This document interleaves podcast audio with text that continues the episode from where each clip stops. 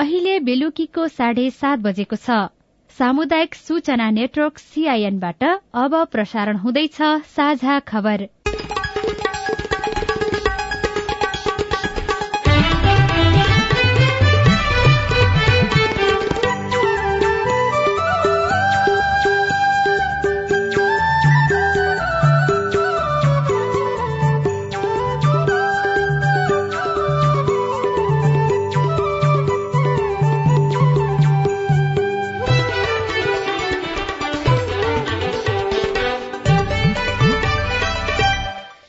सीआईएनको साझा खबरबाट सोभिता रिसालको नमस्कार। साझा खबर देशभरिका सामुदायिक radio CIN Khabar dot com र मोबाइल एप सीआईएनमा पनि सुन्न सकिन्छ।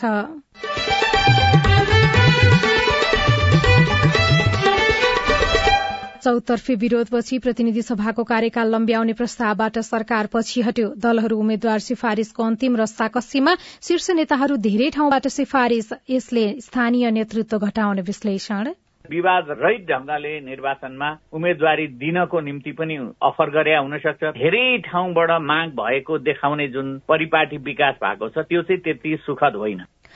कारागार विधेयक दुई हजार छयत्तर राष्ट्रिय सभाबाट पारित आचरण र व्यवहार सुधारेका कैदीको कैद मिनाहा गर्ने पक्षमा सरकार हलिया मुक्त घोषणा भएको चौध वर्ष तर हलिया समुदाय अझै पनि परिचय पत्र कुर्दै अहिले पनि मुक्त हलियाको आन्दोलन र उनीहरूको मुद्दा उनीहरूको मागप्रति राज्य संवेदनशील छैन राज्य गम्भीर छैन।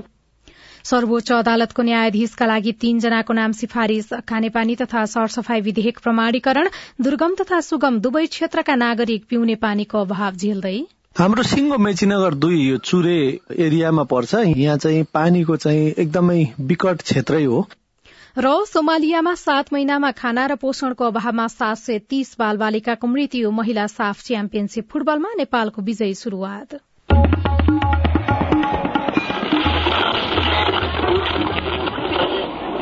रेडियो। हजारौं रेडियो कर्मी र करोड़ौं नेपालीको माझमा यो हो सामुदायिक सूचना नेटवर्क सीआईएन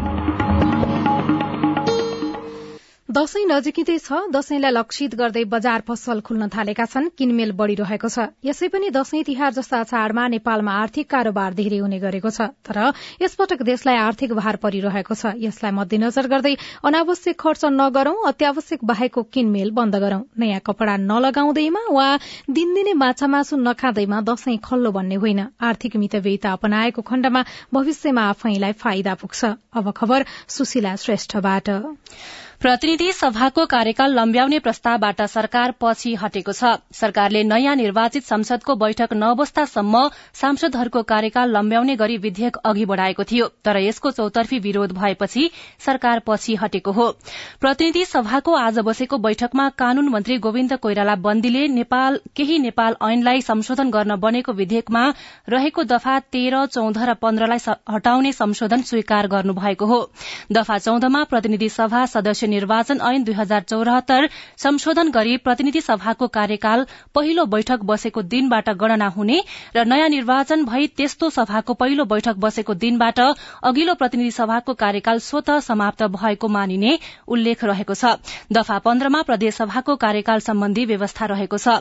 सत्तारूढ़ गठबन्धनका शीर्ष नेताहरूले विधेयक फिर्ता लिन निर्देशन दिएका थिए भने कांग्रेस सांसदहरूले सोही अनुसार नै संशोधन हालेका थिए। विधेयकमाथिको छलफलमा कांग्रेस महामन्त्री गगन थापाले भन्नुभयो कार्यकालको गणना गर्ने कुराको सन्दर्भमा हामीले यो शपथ ग्रहण गरिसके पछाडि वा पहिलो बैठक भनेर भन्यो भने पहिलो बैठकको अनिश्चितता रहँदो रहेछ। त्यस कारणले गर्दाखेरि चाहिँ निर्वाचन भएको मिति भनेर हामीले भन्यो निर्वाचनको मिति पनि कहिले काहीँ कति चरणमा गर्छौँ भन्ने कुरा पनि आउने भएको हुनाले गर्दा यो अन्तिम मत परिणाम आयो जुन प्रकाशन हुन्छ त्यसको दिनबाट गणना हुने गरिकन त्यो यसको त्यहाँ गएर सकिन्छ र मनोनयन गर्न साथै यसको म्याच जाने गरिकन यो संशोधन भएर जाओस् भन्ने कुरा मैले आफ्नो संशोधन राखेको छु। चुनाव घोषणा भइसकेको अवस्थामा यो विधेयक ल्याएपछि सरकारले प्रतिनिधि सभाको कार्यकाल लम्ब्याउन खोजेको भन्दै चर्को आलोचना भएको थियो। एमाले प्रमुख सचेतक विशाल भट्टराईले यसो गर्दा एकैपटक एउटै निर्वाचन क्षेत्रमा दुईजना सांसद हुने अवस्था आउने भन्दै विरोध गर्नुभयो। जनताले एउटै निर्वाचन क्षेत्रमा दुईटा सांसद एकैचोटि देख्ने अवसर हुन्छ। यस्तो खालको विरोधाभासपूर्ण कुरा कसरी परिकल्पना गर्छ यो सरकार? कसरी कानून मन्त्रीज्यूले यो परिकल्पना गर्नुभयो? मलाई अचम्म लाग्छ। र कानून मन्त्रीज्यूलाई र अहिलेको गठबन्धन सरकारलाई नेकपा एमालेको तर्फबाट म जोरदार रूपमा भन्न चाहन्छु। नोमिनेसनको अघिल्लो दिन हाम्रो प्रतिनिधि सभाको र प्रदेश सभाको कार्यकाल समाप्त हुनै पर्छ। दुई दिन भए पनि लम्ब्याएर अरू कुनै हरकत गर्नु तपाईँहरूले चाहनु भएको छ भने नेकपा एमाले त्यसको विपक्षमा छ र हामी अनिवार्य रूपमा त्यसलाई रोक्न चाहन्छौ। जसलाई कानून मन्त्रीले पनि स्वीकार गर्नुभएको हो। त्यसपछि छलफलमा उठेका प्रश्नहरूको जवाफ दिँदै कानून मन्त्री बन्दीले सरकारले पवित्र उद्देश्यका साथ विधेयक ल्याएको दावी गर्नुभयो। यसअघि सरकारले ल्याएको विधेयकमा निर्वाचन आयोगले पनि असन्तुष्टि जनाएको थियो। गणपूरक संख्या नपुगेर रोकिएपछि दोस्रो पटक बसेको बैठकले केही नेपाल ऐनलाई संशोधन गर्न बनेको विधेयक पास गरेको छ। आगामी मंगिर चारका लागि तय भएको प्रदेश र प्रतिनिधि सभाको निर्वाचन आउन अब पचहत्तर दिन बाँकी छ। एक महिना अघि मन्त्री परिषद बैठकले निर्वाचनको मिति घोषणा गरेसँगै राजनीतिक दलहरू उम्मेद्वार छनौटको अभियानमा छन्। तर प्रत्यक्ष उम्मेद्वार सिफारिशमा भने जिल्ला स्तरका नेताहरूको आकर्षण चर्चित नेतामा देखिएको छ। चुनावको मिति नजिकिँदै गर्दा राजनीतिक दलहरू अहिले उम्मेद्वारको नाम टुङ्गो लगाउने र सिफारिश गर्ने रस्सा कस्सीमा छन्। तर शीर्ष तहमा रहेका चर्चित नेताका लागि भने तानातान भइरहेको छ। माओवादी केन्द्रका अध्यक्ष पुष्पकमल दाहाल प्रचण्ड चितवनबाट उठ्ने बताइरहँदा उहाँको नाम बागलुङबाट सिफारिश भएको छ। माओवादी केन्द्र बागलुङका नेता राजीव घिमिरे। पब्लिकले हामी धेरै उत्पीडित क्षेत्र भइयो उपेक्षित भइयो अब एकपटक केन्द्रीय लिडरसिप आएर लड्दाखेरि हाम्रो केही क्षेत्र भूगोल र यहाँ केही राम्रो हुन्छ कि विकास निर्माणमा भन्ने कुरा त्यस्तो प्रभाव अनुसार त्यहाँ साथीहरूको सुझावलाई हामी राखेको। आएका सुझावहरूलाई फेरि नलेख्ने नराख्ने भन्ने कुरा हुँदैन। जनता समाजवादी पार्टी नेपालका अध्यक्ष उपेन्द्र यादव अहिले सप्तरी क्षेत्र नम्बर दुईबाट सांसद हुनुहुन्छ। तर आगामी निर्वाचनका लागि भने बाह्र पर्सा र सप्तरीबाटै उहाँको नाम सिफारिश भएको छ। एकै व्यक्तिको नाम धेरै जिल्लाबाट सिफारिश गर्नुको कारणबारे बताउँदै जसपा जिल्ला समन्वय समिति बाराका अध्यक्ष अजय पटेल। हाम्रो केन्द्रीय सदस्यहरूले क्षेत्रीय कमिटिको बैठकमा अध्यक्षजी यहीबाट चुनाव लड्नुहुन्छ भनेर प्रस्ताव ल्याउनु भयो अब अध्यक्षजीको नाम आएपछि अब काट्न त हामीले मिल्दैन। आफू कहाँबाट चुनाव लड्ने भन्ने बारेमा कतिपय दलका नेताको टुङ्गो भइसके पनि कतिपय नेता आफ्नो लागि कति जिल्लाबाट सिफारिश भयो भन्ने हिसाब गर्नमा व्यस्त छन्। नेपाली कांग्रेसका महामन्त्री गगन कुमार थापा अहिले काठमाडौँ क्षेत्र नम्बर चारबाट सांसद हुनुहुन्छ। तर उहाँलाई सर्लाही कांग्रेसले उम्मेद्वारको रूपमा सिफारिश गरेको छ। नेपाली कांग्रेस सर्लाहीका सभापति सुरेन्द्र प्रसाद सिंह। उहाँ युवा हुनुहुन्छ विकासशील हुनुहुन्छ युवाको माझमा लोकप्रिय हुनुहुन्छ। त्यसले गर्दाखेरि क्षेत्र नम्बर चारले उहाँलाई एकल सिट पारित गरेर मेरो क्षेत्रमा आएर लडिदिनुहोस् भने आग्रह गरेको छ। हालसम्म ठूला साना दलका गरेर कम्तीमा छ जना नेताहरूको नाम एक भन्दा बढ़ी र फरक फरक स्थानबाट सिफारिश भएको छ। निर्वाचन आयोगले आउँदो निर्वाचनमा कुनै एक निर्वाचन क्षेत्रबाट मात्रै उम्मेद्वारी दिन पाउने व्यवस्था गरे पनि शीर्ष नेतालाई दुई वा त्योभन्दा धेरै स्थानबाट किन सिफारिश गरिन्छ? एकजना विश्लेषक पुरूषोत्तम दाहाल। युवा नेताहरू हुनुहुन्छ उहाँहरू दुई तिन ठाउँबाट मागेको भनेर त्यो आफ्नो लोकप्रियता बढाउनको निम्ति पनि गरिरहनु भएको छ। कतै अत्यन्त माया गरेर स्नेह गरेर विवाद रहित ढंगले निर्वाचनमा उम्मेद्वारी दिनको निम्ति पनि अफर गरे हुन सक्छ धेरै ठाउँबाट माग भएको देखाउने जुन परिपाटी विकास भएको छ त्यो चाहिँ त्यति सुखद होइन। अहिलेसम्मको सिफारिशको अवस्था हेर्दा पार्टी भित्रैको असन्तुष्टि गुटगत तानातानका कारण सिफारिश गरिएका उम्मेद्वार दोहोरिने गरेको एकातर्फ पाइन्छ। अर्कोतर्फ सिफारिशमा पर्नुलाई प्रतिष्ठासँग जोड्ने परिपाटीका कारण पनि सम्बन्धित व्यक्तिको इच्छा अनुसार नै जिल्लाबाट सिफारिश गर्नु परेको कतिपय नेताहरूको भनाइ छ। स्नेहा कर्ण सीआईएन काठमाडौँ। कारागार विधेयक दुई हजार छयत्तर राष्ट्रिय सभाबाट पारित भएको छ। आज बसेको राष्ट्रिय सभा बैठकले प्रतिनिधि सभाबाट सन्देशसहित प्राप्त भएको कारागार विधेयक दुई हजार उनासी पारित गरेको हो। बैठकमा विधेयकमाथि छलफलको क्रममा उठेका प्रश्नहरूको जवाफ दिँदै गृह मन्त्री बालकृष्ण खाड़ले पचास प्रतिशत कैद भुक्तान गरिसकेका र आचरण व्यवहार सुधारेका कैदीको कैद मिनाहा गर्ने पक्षमा सरकार रहेको बताउनुभयो। उहाँले कारागारमा पनि संरचनाले धाने भन्दा बढ़ी बन्दी रहेको उल्लेख गर्दै आचरण सुधारेकालाई बाहिर निकाल्न पाए कारागारमा सहजता हुने धारणा राख्नुभयो। आचरण व्यवहार सुधारेका बन्दीहरूलाई चाहिँ नि पचास प्रतिशत उनीहरूले कैद भुक्तान गरिसकेपछि उनीहरूलाई कैद कट्टी गर्ने कैद मिना गर्ने अवसर मिलोस् भन्नेमा हामीहरू छौं। किन तपाईँहरू आफै जेल भर्न गइसक्नुभयो? अब प्रत्येक जेलमा चाहिँ नि त्यो जेलको संरचनाको क्षमता भन्दा बढी बन्दी छन्। त्यस कारणले यो आचरण सुधारेकालाई छोड्न पायो भने अलिक त्यहाँ चाहिँ सहज हुन्थ्यो कि भन्ने त्यहाँभित्र पनि छ बाहिर हाम्रो मानसिकता पनि छ। तर यो कैद कट्टी गर्ने बारेमा अब कैद कट्टीका लागि बन्दीहरूले प्रयत्न गर्नु त स्वाभाविकै हो। तर धन्नै बिसवटा भन्दा बढी मुद्दाहरू छन्। जुन मुद्दामा चाहिँ नि कैद मिनाहा गर्नै मिल्दैन के? जन्मकैदको सजाय तेजाब आक्रमण जबरजस्ती कराउने मानव बेचबिखन भ्रष्टाचार अपहरण लागू औषधको ओसार पसार सम्पत्ति शुद्धिकरण संगठित अपराध लगायतका बीसवटा भन्दा बढ़ी प्रकारको मुद्दामा भने कैद मिनाहा गर्न नमिल्ने उहाँले स्पष्ट पार्नुभयो।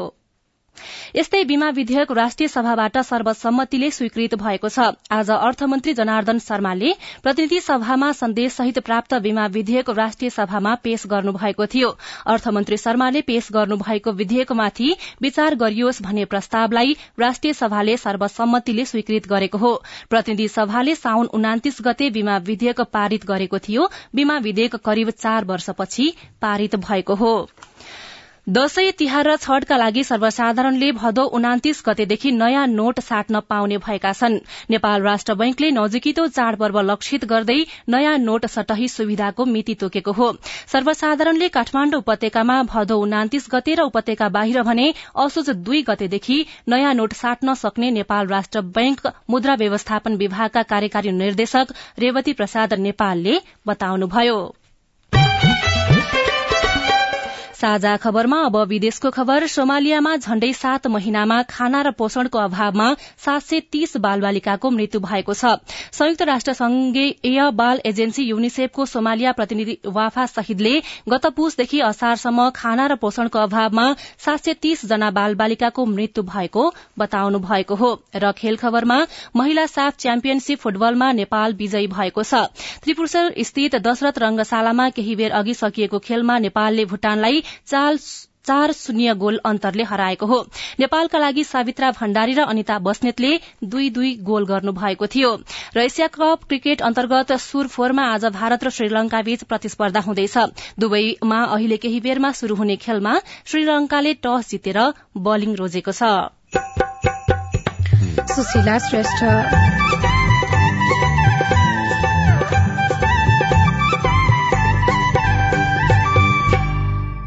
हलिया मुक्तिको चौध वर्ष बित्यो तर व्यवहारमा कार्यान्वयन भएन। तपाईँ अब परिचय पत्र पाउनुहुन्छ कपाल लेखेको त एक नम्बरमा पढ्नुहुन्छ भने थियो अहिलेसम्म हामीलाई कन्ने हेरेको पनि छैन देखेको पनि छैन तगेको पनि छैन। यस्तो नारा जुलुस भयो भने मात्रै हामीलाई त्यहाँ खबर जाने।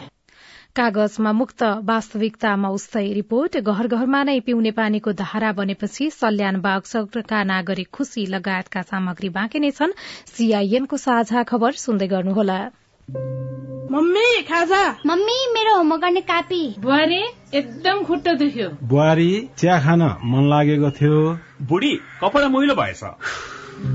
अरे मेरो परिवार। भर्खरै सुनेको संवाद तपाईँलाई कस्तो लाग्यो? यही संवादलाई फेरि एकपटक यसरी सुनौ न है। मम्मी खाजा आज म बनाउँछु। मिठो बनाउँछु है। मम्मी मेरो होमवर्क गर्ने कापी। मैले खोजिसके। अब म होमवर्क गर्छु। बुहारी एकदम खुट्टा दुख्यो। छोराले तेल तताएर लगाइदिएपछि अलि आराम भयो। बुहारी चिया खान मन लागेको थियो। सबैको लागि बनाएको छु। आऊ सबैजना खान। बुढी कपडा मैलो भएछ। घर नि कस्तो फोहोर। कपडा धोएर भ्याए। अब घर सफा गर्छु। कोरोनाको महामारीबाट बस्न पनि त सरसफाई जरुरी छ नि। आहा मेरो परिवार। तपाईँलाई दोस्रो संवाद कस्तो लाग्यो? पक्कै राम्रो लाग्यो। हो तपाईँ हामी बीच जिम्मेवारी बोध भयो भने एक अर्का बीचको निकटतालाई अझ राम्रो बनाउन सकिन्छ। बाढी चोडी जिम्मेवारी परिवारमा समझदारी। महिला बालबालिका तथा ज्येष्ठ नागरिक मन्त्रालय युएन वुमन ल्याक र अकुराबको सहकार्य। सामाजिक रूपान्तरणका लागि यो हो सामुदायिक सूचना नेटवर्क सीआईएन तपाई सामुदायिक सूचना नेटवर्क सीआईएनले तयार पारेको साझा खबर सुन्दै हुनुहुन्छ। सर्वोच्च अदालतको न्यायाधीशका लागि तीनजनाको नाम सिफारिश भएको छ। न्याय परिषदका अनुसार उच्च अदालतको मुख्य न्यायाधीश निता गौतम दीक्षित उच्च अदालतका कायम मुख्य न्यायाधीश विनोद शर्मा र वरिष्ठ अधिवक्ता समेत रहनुभएका प्राध्यापक डीएन पराजुलीको नाम सिफारिश भएको हो। हाल सर्वोच्च अदालतमा दुई न्यायाधीशको पद रिक्त रहेको छ। एक महिनापछि रिक्त हुने पदका लागि पनि सिफारिश गर्न सकिने कानूनी व्यवस्था अनुसार हाल तीनजनाको नाम सिफारिश भएको हो। कम्पनी रजिस्ट्रार कार्यालयले दर्ता भई अध्यावधिक नगरेका कम्पनीलाई अध्यावधिक गर्न छूटको व्यवस्था गरेको छ।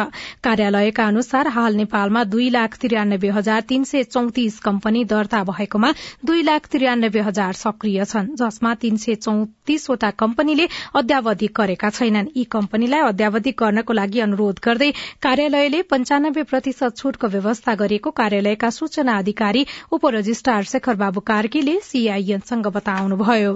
हामी अध्यापधिक भन्छौँ कम्पनीको। उहाँहरू आफैले उहाँहरूले कम्पनी ऐन अनुसार तोकिएको दिनहरूमा तोकिएको अवधिहरूमा उहाँहरूका साधन सभा उहाँहरूका अडिटका रिपोर्टहरू विभिन्न डकुमेन्टहरू सञ्चालक समितिहरूको निर्णयहरू तिनीहरू चाहिँ समय समयमा अपडेट गर्नुपर्ने हुन्छ। त्यो कम्पनीहरूले डेट तोकेकै छ। त्यो डेटभित्रमा तोकिदिएर उहाँहरूले हाल्नुभयो भने कुनै पनि शुल्क तिर्न पर्दैन।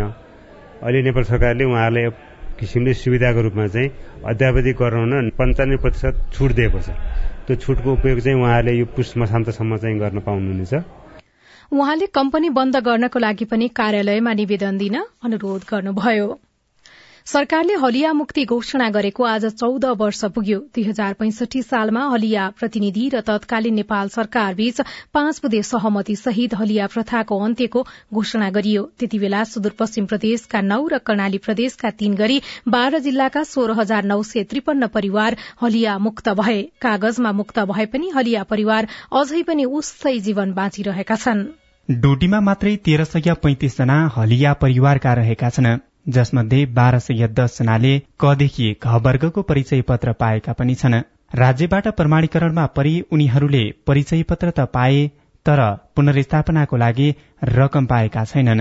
दिपाल सिलगढ़ी नगरपालिका सात पाँकरीका सुरुमती आउजे। पैसा आया आउनु भन्न त्यहाँ म लोटेले हिँडिदिया गया खाता खोल्ले तेरा पैसा कहीँ जान भन्यो। खाता तक दामी खातामा पैसा नै। यो कहाँ पढ्यो भन्नामे यिनले कसो भन्यो? बाउ गयो भनेले खा हाल्यो बाउ के भयो भनेबाट यिनले भन्यो।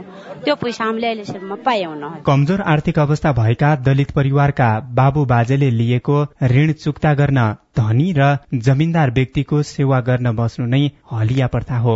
यसरी बिना पारिश्रमिक अर्खाको घरमा काम मात्रै गरेर बस्नु मानव अधिकारको समेत विपरीत हुने भएपछि सरकारले उनीहरूलाई पुनर्स्थापना गर्ने घोषणा गरेको थियो तर हालसम्म कतिपय हलिया परिवारले परिचय पत्र समेत पाएका छैनन्। शिखर नगरपालिका एक कपल्लिकीका ललिता भोल र दिपाल सिलगढ़ी नगरपालिका सात पाँकरीका कैलाश आउजी। तपाईँ अब परिचय पत्र पाउनुहुन्छ कपाल त एक नम्बरमा पढ्नुहुन्छ भने थियो।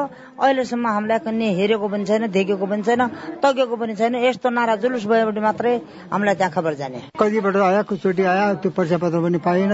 यहाँ हामीले दुई तिन हजार रुपियाँ खर्च मात्र भयो। पाउने हुनेले पाहाल्यो खाने हुनेले खायो। हामी त सब बोकडमा पढाएको छौँ। सरकारले हलियालाई चार वर्गमा वर्गीकरण गरेर जग्गा खरिद तथा दर्ता र घर निर्माण तथा मर्मतका लागि अनुदान उपलब्ध गराउने नीति लिएको थियो। यसको समन्वय स्थानीय तह मार्फत गरिने भने पनि हलिया परिवारको पुनर्स्थापनाको लागि स्थानीय सरकारले खासै काम गरेनन्। अधिकार कर्मी अधिराज बिसी। तत्कालीन अवस्थामा चाहिँ नेपाल सरकारले गरेको सहमति पछिल्लो क्रममा तीन तहको सरकारलाई ह्यान्डओभर गरेको भन्ने चाहिँ कुरा छ। त त्यो ह्यान्डओभर गरेको कुरालाई किन चाहिँ प्रदेश सरकारले र स्थानीय सरकारले गम्भीरतापूर्वक त्यसलाई लिन सकेन? अहिले पनि मुक्त हलियाको आन्दोलन र उनीहरूको मुद्दा उनीहरूको मागप्रति राज्य संवेदनशील छैन राज्य गम्भीर छैन। हलियाका अगुवाहरूको आन्तरिक द्वन्दका कारण पनि हलियाको मुद्दा केही सेलाउन पुगेको हलिया अभियन्ता कुमार टेलरको भनाइ छ। यो फलानाको भनेर तिनको चाहिँ नाम चाहिँ नराखिदिने प्रमाणीकरण नगरिदिने र आफ्नै पार्टीको केही साथीहरूले त्यसरी नाम दर्ता गराइदिने त्यस्तो भएको कारणले यसलाई अलिकति राजनीतिक किसिमले अगाडि बढाउँदा यो कमजोर हुन गएको हो कि? सरकारले हलियाको पुनर्स्थापनाको लागि भन्दै अहिलेसम्म झण्डै चार अर्ब भन्दा बढी रकम खर्च गरिसकेको छ तर चौध वर्षसम्म पनि हलिया समुदायको समस्या उस्तै छ। Kiran Dhami CIN Triveni FM Doti. साझा खबरमा अब हेलो सीआईएन प्रकाश परि म दैलेख जिल्ला दुल नगरपालिकादेखि हाम्रो यो पिछे माविमा इलाबुन टुबेलमा सरकारले निशुल्क शिक्षा भनिरहेको छ तर यहाँ फी लिने गरेको छन्। जवाफ दिँदै हुनुहुन्छ दुल्लु नगरपालिकाका प्रमुख भरत प्रसाद रिजाल। शुल्क निर्धारण गरेर नगरपालिकाले नगरपालिकाको मातहतमा सबैलाई विद्यार्थीहरूलाई अनिवार्य शुल्क भनेर निर्धारण गरेका छैन केही अभिभावक स्कुलहरूले अलिकति अब साइन्स पढाउँछौ कमर्स पढाउँछौ भन्ने स्कुलहरूले अभिभावकहरूबाट सहयोग स्वरूप भनेर विद्यालयको भौतिक सौतिक निर्माण निर्माण भनेर सहयोग स्वरूप केही रकम लिने गरेको चाहिँ छन्। कारण त जुनसुकै होस् तर निशुल्क शिक्षा भनिएको ठाउँमा शुल्क उठाउन त पाइएन नि। फेरि माध्यमिक तहसम्मको अधिकार त तपाईँहरूलाई नै छ नि होइन र? नगर शिक्षक मार्फत चाहिँ शिक्षा दिने भनेर हामीले अब प्रक्रिया चाहिँ सुरु गरेका छौँ र प्रक्रिया पुरा भइ नसकेका हुनाले अहिले अब नगरपालिकाले यो दियो भन्ने छैन। मलाई लाग्छ हामी एक डेढ महिनाभित्र नगर शिक्षकको व्यवस्था गरेर सबै विद्यालयमा पुगाउँछौँ। मेरो नाम उपेन्द्र बहादुर बोहरा पञ्चदेउल विनायक नगरपालिका वडा नम्बर नौ। पाँच वर्षदेखि सञ्चालनमा आइरहेको तामकोट खोला लघु जलविद्युत आयोजना गत वर्षको बाढी पहिरोले गर्दा क्षतिग्रस्त भइरहेको अवस्थामा पनि अन्धकारमै बसिरहेका छन् त्यहाँका स्थानीय जनताहरू। अहिलेसम्म त्यहाँको कुनै पनि सरकारी निकायको ध्यान नै त्यतातिर आकर्षण भइरहेको छैन। के कारणले गर्दा हो हाम्रो कहिलेसम्म त्यो निर्माण गर्न सकिने हो? यस विषयमा हामीले पञ्चदेवल विनायक नगरपालिकाका उप प्रमुख हर्क बहादुर रावललाई सोधेका छौं। ल ठिक छ म त्यो बुझेर के गर्न मिल्छ होइन? एकदम छिट्टै हामी त्यसमा एक्सनमा जान्छौँ है हजुर। एकदम छिटो। नमस्ते म बुद्ध थापा। मेरो जन्म दर्ता एकदम पुरानो जन्म दर्ता चाहिँ पुरै च्याचुत भएको छ। त्यो जन्म दर्ता चाहिँ फेरि नयाँ बनाउन मिल्छ। के के गर्नुपर्छ? तपाईँको जिज्ञासा समाधान गर्दै हुनुहुन्छ। चौर जहारी नगरपालिकाका एमआईएस अपरेटर प्रेम कुमार राणा मगर। जन्मदाता लागि सम्बन्धित वडा कार्यालयमा जाने आमा बुवाको नाइट्रा लिने आमा बुवासँगै जाने त्यसपछि चाहिँ उहाँले चाहिँ पुरानो डड्डा हो त्यहीलाई हामी उतारेर चाहिँ नयाँ सिस्टमबाट चाहिँ पुनः प्रतिलिपि दिन्छौँ। त्यो प्रतिलिपि लिए भए हाम्रो चाहिँ नयाँ गराएपछि विषय हुन्थ्यो र प्रतिलिपि पाँच लिएर उहाँले चाहिँ केही विवरणको प्रतिलिपि लिन सक्नुहुन्छ गर्नुभएको तपाई जुनसुकै बेला हाम्रो आइभीआर नम्बर शून्य एक बान्न साठी छ चार छमा फोन गरेर आफ्नो प्रश्न जिज्ञासा गुनासा अनि समस्या रेकर्ड गर्न सक्नुहुनेछ। तपाई सामुदायिक सूचना नेटवर्क सीआईएनले काठमाण्डुमा तयार पारेको साझा खबर सुन्दै हुनुहुन्छ। झापाको उत्तरी क्षेत्रका नागरिक पिउने पानीको समस्या झेल्दै अब यिनीहरूबाट कहिले मोटर बिग्रिन्छ कहिले के हुन्छ लाइन गयो भने त पनि हुँदैन। लाइन काटेर हुँदाखेरि पानी खान पाइँदैन। सबैलाई त्यही त हो नि गाउँमा त संसार होइन र। समस्या समाधानमा राज्यले चासो नदिएको गुनासो रिपोर्ट। लिफ्टबाट गाउँमा पिउने पानी आएपछि सल्यान बागसौरका नागरिक भने खुशी लगायतका सामग्री बाँकी नै छन्। सीआईएनको साझा खबर सुन्दै गर्नुहोला।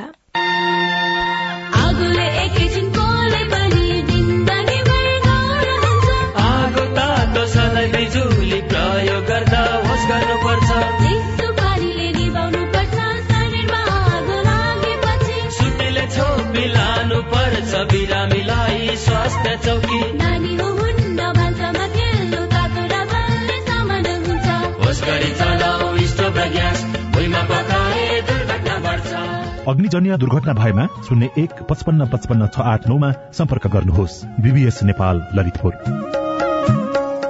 सामाजिक रूपान्तरणका लागि यो हो सामुदायिक सूचना नेटवर्क सीआईएन तपाई सामुदायिक सूचना नेटवर्क सीआईएनले काठमाण्डुमा तयार पारेको साझा खबर सुन्दै हुनुहुन्छ। सरकारकै तथ्याङ्कले भन्छ नेपालका पैंतिस लाख मानिसले सहज रूपमा खानेपानीको सुविधा पाएका छैनन्। बीस प्रतिशत विद्यालयमा अहिले पनि खानेपानीको समस्या छ तर तीन तहका सरकारले पाँच वर्षको अवधिमा खानेपानीको क्षेत्रमा निकै काम गरे जसको प्रतिफल भने देखिन थालेको छ।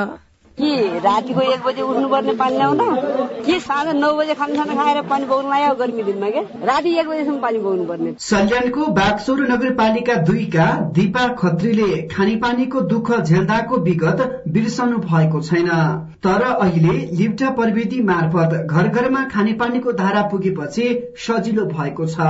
यतिखेर लिप्टा पानी पाएर यस्तो डाँडामा यहाँ पानी आउला भन्ने त हामीले सोचेकै थिएनौँ। यस्तो सबैलाई पानी पुग्ला यदि माथि आउला यसरी घर घरमा पानी जाला भन्ने त यस्तो हामीले सपना पनि देखेकै थिएनौँ। हामी धेरै खुसी छौँ। लिफ्ट मार्फत जङ्गार खोलाको पानी बागचोरका हरेक घरमा पुर्याइएको छ। गाउँभन्दा करिब एक किलोमिटर टाढा रहेको खोलाबाट पानी आएपछि स्थानीय पनि दङ्ग छन्। घरायसै प्रयोग गरेर बढी भएको पानी करेसाबारीमा समेत उपयोग गर्न थालिएको छ। स्थानीय रोजी बुढाथोकी। पानी नहुँदा त एक घन्टा जानु पर्ने र त्यसमा पनि अब दुईवटा गाउँकोले एउटै धाराको पानी खानु पर्दाखेरि लाइनमा लाग्नु पर्ने कि पानीको पालो कुर्नु पर्ने अवस्थाले गर्दाखेरि एकदमै गाह्रो हुन्थ्यो। अहिले एकदम सजिलो भयो बजारीकरण नभए पनि आफ्नो घरको लागि चाहिँ तरकारीहरूमा सिँचाइ गर्ने अवस्था छ। बागचौरमा दुई हजार बयालिस सालमा खानेपानीको एउटा योजना परेको थियो। तर स्थानीय बीचको द्वन्दले पानी आपूर्ति बन्द भयो। दुई हजार उन्साठी सालमा फेरि अर्को योजना पर्यो तर त्यो पनि दिगो हुन सकेन। मानव बस्ती थपिँदै जाने तर पानीको सीमित स्रोत हुँदा खानेपानीको समस्या भएको सम्झनुहुन्छ अर्का स्थानीय चुडामणि खत्री। अलिअलि गर्दै यहाँ बस्ती बढ्दै गइसकेपछि बयालिस सालमा यो खानेपानी आयो। सन्ताउन्न उनले बन्द गरिदियो। बन्द गरी हामीलाई पानीको हार भयो। उन्साठी सालतिर लाटाबाट एउटा सानसानो पानी ल्याएर खाने पनि गर्यौँ कोटमलाबाट पनि एउटा सानसानो पानी ल्याएर खाने गर्यौँ अहिले लिफ्ट पानी आएदेखि धेरै खुसीसम्म घर घर धारा छन् हामीलाई। अहिलेसम्म झण्डै एक सय बढी घरधुरीमा खानेपानी पुगिसकेको छ। कर्मागत योजना भएकाले बाँकी घरमा जडान कार्य जारी छ। आयोजनाबाट बागचोर बजार थारमारे बजार जिउला मिलन डाँडाका करिब चार सय घरधुरी लाभान्वित हुनेछन्। कर्णाली प्रदेश सरकारको बहुवर्षीय आयोजना मार्फत तीन करोड़ सोह्र लाखको डिपिआर भएकोमा हालसम्म एक करोड़ नब्बे लाख रुपियाँ खर्च भएको छ। बागचौर खानेपानी आयोजनाका अध्यक्ष ज्ञानेश्वर केसी। यसको दिगो गराउनको लागि हामीले स्थानीय तहसँग समन्वय सहकार्य र आम उपभोक्ताहरूबाट पनि केही मात्रामा चाहिँ रकम उठाएर यसलाई चाहिँ दिगो पूर्ण गराउने हामी लक्ष्य राखेका छौँ। र यसको मिटर सिस्टम भएको हुनाले केही उपभोक्ताहरूले पनि महसुलहरूबाट यो रकम उठेर यसलाई चाहिँ अगाडि बढाउने लक्ष्य छ। घरमै खानेपानी आएसँगै पानीकै लागि खर्च हुने समय स्थानीयले अन्य काममा लगाउन पाएका छन् भने गाउँको सरसफाइमा पनि टेवा पुगेको छ। बुद्धिपूर्ण सीआईएन सामुदायिक रेडियो राप्ती सल्यान।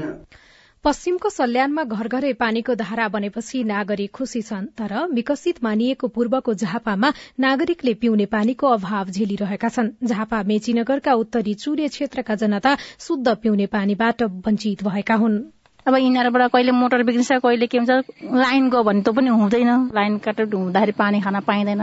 सबैलाई त्यही त हो नि गाउँमा त संसार होइन र। झापा मेचीनगरको उत्तरी चुरे क्षेत्रका स्थानीय मन्जु भट्टराईको घरमा खानेपानीको स्रोत इनार त छ तर पानीको सतह निकै गहिरो भएकोले विद्युतीय मोटर चलाएर मात्रै पानी निकाल्न सकिन्छ। तर वर्षातको समयमा विद्युत कटौती हुँदा खानेपानीको समस्या झेल्नुपर्ने बाध्यता छ। मेचीनगर चारका भीम प्रसाद बास्तोला पनि उस्तै गुनासो गर्नुहुन्छ। पानीको समस्या पनि समाधान हुन्छ भन्ने आशामा चाहिँ छौँ। सबको घर घरमा हाम्रो इनार छ इनारबाट मोटरबाट प्रयोग गरिरहेको छ त्योभन्दा शुद्ध पानी पिउन पाइन्छ भन्ने चाहिँ आश गरेर कस्तो हुने हो? मेचीनगर वडा नम्बर एक दुई तीन र चारका अधिकांश स्थानीय इनारकै पानी प्रयोग गर्छन् तर कतिपय घरमा इनार नभएकाले खोलाको पानी पिउनु पर्ने बाध्यता छ। मेचीनगर दुईका वडा अध्यक्ष दीपक बराल खानेपानीको समस्या समाधानमा पहल गरिरहेको बताउनुहुन्छ तर स्थानीय सरकारको पहलमा मात्रै खानेपानीको समस्या समाधान हुने अवस्था छैन। हाम्रो सिंगो मेचीनगर दुई यो चुरे एरियामा पर्छ। यहाँ चाहिँ पानीको चाहिँ एकदमै विकट क्षेत्रै हो। आजको स्थितिमा पनि खानेपानी नेपाली नागरिकको मौलिक हक भनेर अहिले पछिल्लो संविधान त संविधान प्रदत्त अधिकार छ। तर यो अधिकारै अहिले पछिल्लो समय राज्यले जिम्मेवार भएर नलागेको हो कि अब हामी पनि आफै पनि राज्यको एउटा संयन्त्रमा छौं। तर हामीसँग त्यो लेभलको ठूलो पहुँच पनि नहुने हामी भन्न चाहिँ भन्दैछौ। अब पछिल्लो समय तलैबाट यो संविधान प्रदत्त अधिकारलाई जनतासँग पुर्याउनका निम्ति लाग्नुपर्छ भनेर हामी पनि लाग्छौ जनताहरू पनि लाग्नु भएको छ। समस्या समाधानका लागि अहिले नेपाल सरकार काकरबिटा खानेपानी उपभोक्ता तथा सरसफाई संस्था र स्थानीयको त्रिपक्षीय सह लगानीमा साढे चार लाख लिटर क्षमताको खानेपानीको योजना निर्माणको काम धमाधम भइरहेको छ। काकरबिटा खानेपानीका प्रमुख दीपक पोखरेल। दशैं अगाडिसम्ममा हामी बोरिङ सम्पन्न गर्नेछौ र हामी अविलम्ब एकदमै चाँडो बोरिङ सम्पन्न गरिसकेपछि अहिलेसम्म चौबिस किलोमिटर भन्दा माथि पाइपलाइन विस्तार भइसकेको छ। ट्याङ्की निर्माण सकिसकेको छ। अब कोलम पाइप मात्रै हाल्न बाँकी छ। र त्यो बोरिङ सम्पन्न हुने बित्तिकै हामी ट्याङ्की टेस्ट गर्छौँ। कोलम पाइपहरू यही बिचमा अरू पन्ध्र बिस दिनमा हालिसक्छौँ।